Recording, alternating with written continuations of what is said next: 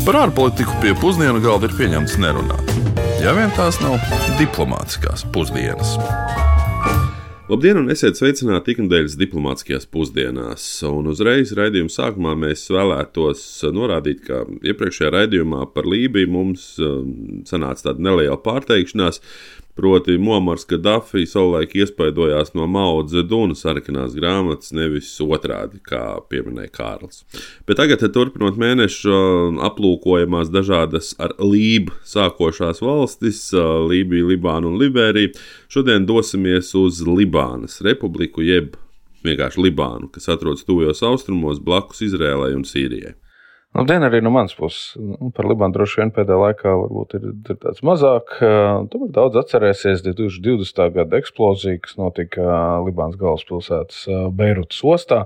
Eksplozijā gāja bojā vairāk nekā 200 cilvēku, un aptuveni 7000 tika ievainoti, un arī tika radīti zaudējumi vairāk nekā 10 miljardus eiro lieli.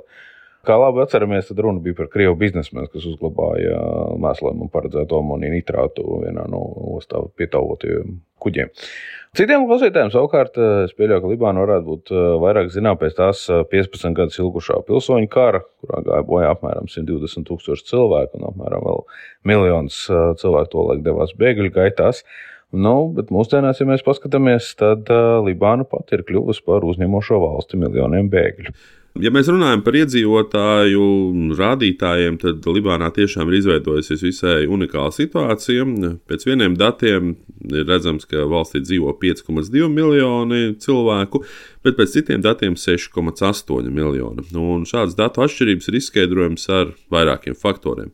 Nu, pirmkārt, Libāna uzņēma pusotru miljonu Sīrijas bēgļu, un otrkārt, pastāvošās jūtīgās konfesionālismu politikas dēļ, bet par to vairāk stāstīsim pamatēdienā. Bet ko par Libānu zina sacīt mūsu klausītāji, to tūlīt dzirdēsim iela intervijās. Ar ko jums asociējas Libāna? Nu, godīgi sakot, nē, es nevarēšu uz to atbildēt. Libāna. Nē, abu mērī, man liekas, bija no Libānas. Nu, gan neko. ne no austrumu valsts, jā, nu, kaut kādas tur, nezinu, brīvības cīņas kārdarbība, kaut kas tam līdzīgs. Bet, jāsaka, godīgi, es nesekoju notikumiem austrumos. Nē, nu, tā ir to, to austrumu valsts. Un tur jau kaut kādi konflikti visu laiku ir cik Izraela blakus un Sīrija. Viss. Iespējams, ar tumšādainiem cilvēkiem. Tas arī viss laikam. Esmu dzirdējis tādu, kur viņi precīzi atrodas, kartē nepateikšu. Libāna man asociējās ar krustakariem. Pirmkārt, vēl man asociējās ar garšīgu ēdienu, pilsoņu karu.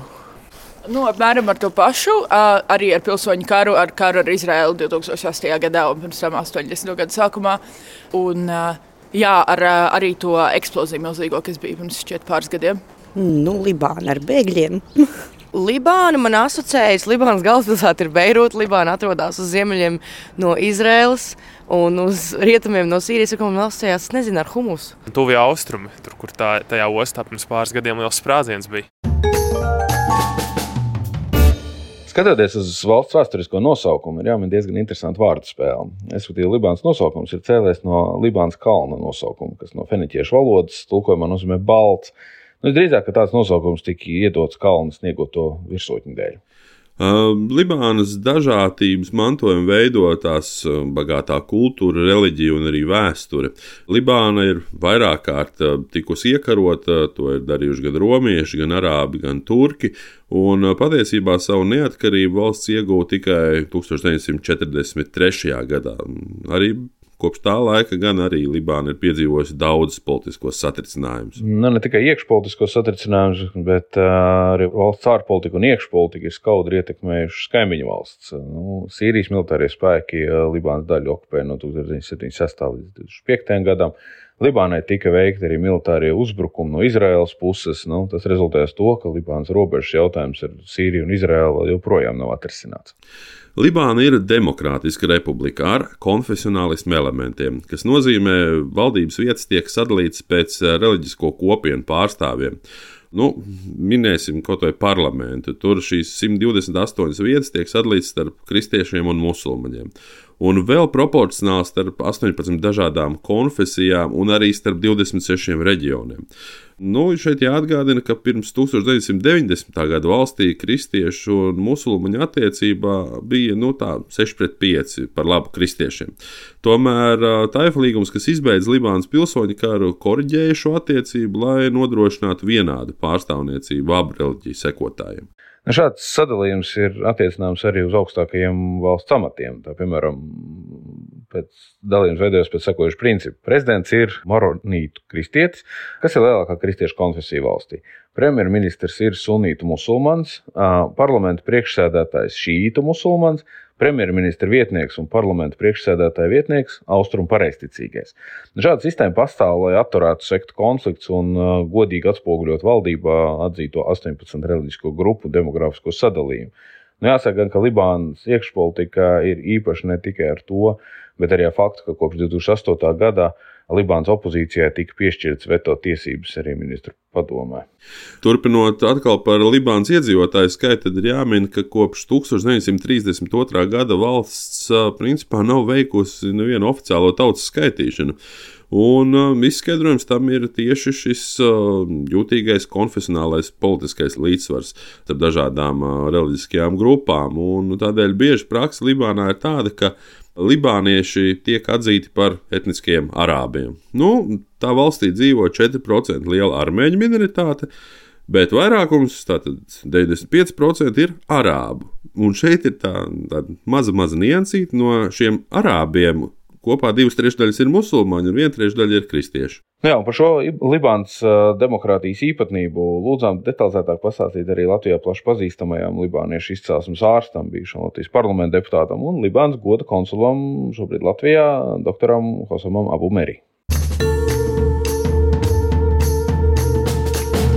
Teikšu godīgi, kopš tā laika, kopš 90. gada līdz šodien, kad mēs runājam šajā intervijā, Libāna politiskai stabilitāte zero nav. Kamēr Sīrijas armija vēl bija Libānā un Libānas eh, politiskais, eh, kā teikt, mentor vai kontrolieris bija Sīrijas valdībā, tad uh, katru reizi, kad libānieši sastrīda iekšēnē, viņi brauc uz Sīriju, Sīrijā likt viņi sēdēt pie galda, sakārto lietā un brauc un tā tālāk. Es teiktu tā, kopš tā laika, kad Sīrija vairs nav un libānieši grib vadīt savu valsti pēc savas uzskatas, viņi strīdas nemetīgi, un tās atvirsme un tā sadalīšanās neiet labi, jo prezidents zaudē daudz pilnvaru, viņš nevar visu darīt, kā grib. Premjerministrs arī paņem no prezidenta. Līdz ar to, ja prezidents grib kaut ko, premjerministrs negrib kaut ko, vai, vai spīkeri negrib kaut ko, vai parlaments neatbalsta, nekas neiet uz priekšu. Tāpēc mēs redzējām, kopš 2006. un 2007. gadā vairākas politiskais krīzi. Ir divi gadi, kad nebija valsts prezidenta, divi un pus gadi nebija ievēlēta valsts prezidenta, tāpēc parlamentu un dažādas politiskās partijas, kas pieder pēc būtības reliģijas. Tā kā problēma ar šī sistēmā, ka katrā partijā nāk pārstāvēt konkrēta reliģija. Drūzi ir sava partija, sunīti ir sava partija, šieiti ir sava divas partijas, kristieši ir vairākas partijas, un kad viņi strīdēs it kā viens ar otru, bet kad nāk runāt par kristiešu, piemēram, tiesības vai musulmaņu tiesības, tad musulmaņi aiziet kopā, kristieši aiziet kopā, vai arī musulmaņi sunīti aiziet ar, ar marunītim. Un visu laiku notika tāda nedomāšana par valsts attīstības, bet pēc tava reliģijas, pēc tava grupa vai grupējums vai pārties interesē. Līdz ar to Libāna zaudēja savu attiecības, kas bija līdz 90 kaut kāda vai 2005. gada, kad vēl bija bijušais premjera Fika Hariri, kas tika nogalināta 2005. gada 14. februārī, un kopš tā laika nestabila politiskā dzīve, atkal ir ļoti, mēs redzam, ļoti reliģiski, politiski uzrunu piemēram, pirms vēlēšanām. Nu, piemēram, kā Latvijā pirms vēlēšanām, diemžēl, katrā pārtie bišķi runāt par latviešiem, krieviem. Jā. Nu, tā, tad tur ir runa katram par savu uh, reliģijas pārstāvniecību un aktivizēt cilvēku, un, lai, lai dabūtu pārvēlēt vēlēšanā. Un tāpēc nu nekas neiet. Jo, ok, es neesmu par to, ka valsts prezidents var darīt, ko grib pilnīgi, bet šobrīd nav, neeksistē to institūcija, kas varētu, kad notika problēmas starp valdībā premjeru, kas ir sunīts, un prezidentu, kas ir maronīti, divas institūcijas, kas viens ar otru negrib parakstīt kaut kādu dikrētu. Ja? Tad eh, sanāk tā, ka, ka valsts nekustās, ne, nav kustība. Un tāpēc Libāna ir ļoti, ļoti, ļoti dziļa krīze. Gan ekonomiskā krīze, gan politiskā krīze. Un es neredzu šobrīd, piemēram, 22. gadā, kā var mainīt šī sistēma. Libānas politiskās īpatnības esam aplūkojuši, un tagad laiks pieķerties mūsu iemīļotajai ekonomikai. Pēc Pasaules bankas datiem Libānas IKP uz vienu iedzīvotāju pēc pirktspējas paritātes ir ap 10,5 tūkstošiem eiro. Un tas atkal salīdzinājumā ar Latvijas 28 tūkstošiem eiro. Un tieši Libānas pilsoņu karš, kurš ilga no 75. līdz 90. gadam nopietni sabojāja Libānas infrastruktūru uz pusi, arī samazinot valsts ekonomiku. Un, un tas viss ir novedis pie tā, ka Libāna ir zaudējusi to austrumu finanšu centru pozīcijas. Pilsoņu karam beidzoties, Libāna pārbūvēja lielu daļu no savas kara izpostītās ekonomikas, aizņemoties liels aizdevumus, nu, galvenokārt no vietējām bankām, kas noslogoja attiecīgi valdību ar milzīgu parādu nastu. Hroniskais fiskālais deficīts ir palielinājis Libānas parāda attiecību pret IKP līdz pat apmēram 175%. Tas ir viens no augstākajiem pasaulē līdz ar to. Mēs esam parasti dzirdējuši par Grieķiju, bet uh, pasaulē lielākais uh, parāds šobrīd tiek rēķināts 300% no IKP ir Venecuēlai, kam sakojot Sudāna, Japāna un tā tikai Grieķija un arī neatpaliek Libāna. Sīrijas konflikts ir pārtraucis arī um, Libānai ļoti svarīgo transporta koridoru caur Levantu. Gandrīz viena miljona reģistrēto un aptuveni 300 tūkstoši nereģistrēto Sīrijas bēgļu pieplūdums ir ievērojami palielinājis sociālo spriedzi un arī sācinājis konkurenci gan par zemes kvalifikācijas darbiem, gan arī sabiedriskiem pakalpojumiem. Libāna joprojām saskars ar vairākiem ilgtermiņa struktūrāliem trūkumiem, nu, kas ir radušies vēl ilgi pirms Sīrijas pilsoņu kara. Proti, tā jau ir minētā vājā infrastruktūra, slikta pakalpojumu sniegšana, institucionalizēta korupcija un arī pārmērīgs birokrātiskais regulējums. Ņemot vērā to, ka valsts lielākie izdevumi aiziet parādu apkalpošanā un valdības darbinieku algās, Libāna nespēja normāli nodrošināt arī sabiedrības pamatvajadzības, piemēram, dzeramo ūdeni, elektrību un arī transporta infrastruktūru. Attiecīgi secinot, līdzīgi kā iepriekšējā raidījumā par pilsoņu karu plosīto Lībiju, arī Libānas izaicinājums pamatā ir bijusi cilvēku nespēja redzēt tālāk pašiem par savu pārliecību. Nu, te iedarētos visbiežāk Mahatma Gandijam, tieši Mahatma Gandijam piedāvātais, bet nu, līdz galam neapstiprinātais, ka šis tiešām ir viņa teiktais. Bībeles vecās derības slavenā teiciena koriģējums, ka acis pret aci noved pie tā, ka visa pasaule ir akla. Lai cik būtu paēdis, vienmēr ir vieta arī desertam. Un par Bībeli nedaudz būtu jāparunā arī saldējā dienā. Nu, šoreiz parunāsim par ko vēsturisku un, arī diezgan piesātinātu. Mātos es sākt ar Bīblos. Tā ir pilsēta, kas atrodas apmēram 30 km uz ziemeļiem no Beirutas, vidusjūras krastā. Un tieši šeit, 15. gadsimtā pirms mūsu ēras, dzīvoja slavenie feniķieši, kur ietekme vienā brīdī izplatījās, protams, visā Ziemeļāfrikā, kā mēs zinām, no vēstures stundām. Tiek rēķināts, ka Bīblos ir viena no vecākajām nepārtraukti apdzīvotajām vietām uz planētas.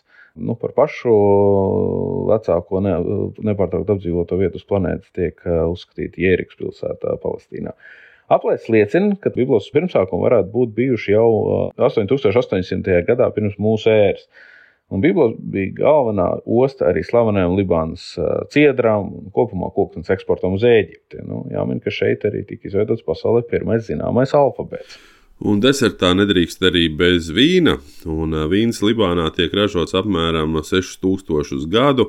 Un tas ir galvenokārt pateicoties Libānas centrā esošajai Bekā ielai. Ielē radīja ideālu reljefu vīnkopībai, un vēl līdz šai dienai tur tiek ražots vīns. Un viens no slavenākajiem Libānas vīniem ir Šatoka Sāra. Nu, varbūt kādam ir sanācis zināt, un arī pagašo. Un tieši feniķieši varētu būt bijuši vieni no pirmajiem vīna ražotājiem un arī tirgotājiem pasaulē. Runājot par vīnu, gribas parunāt arī par brīvdienām.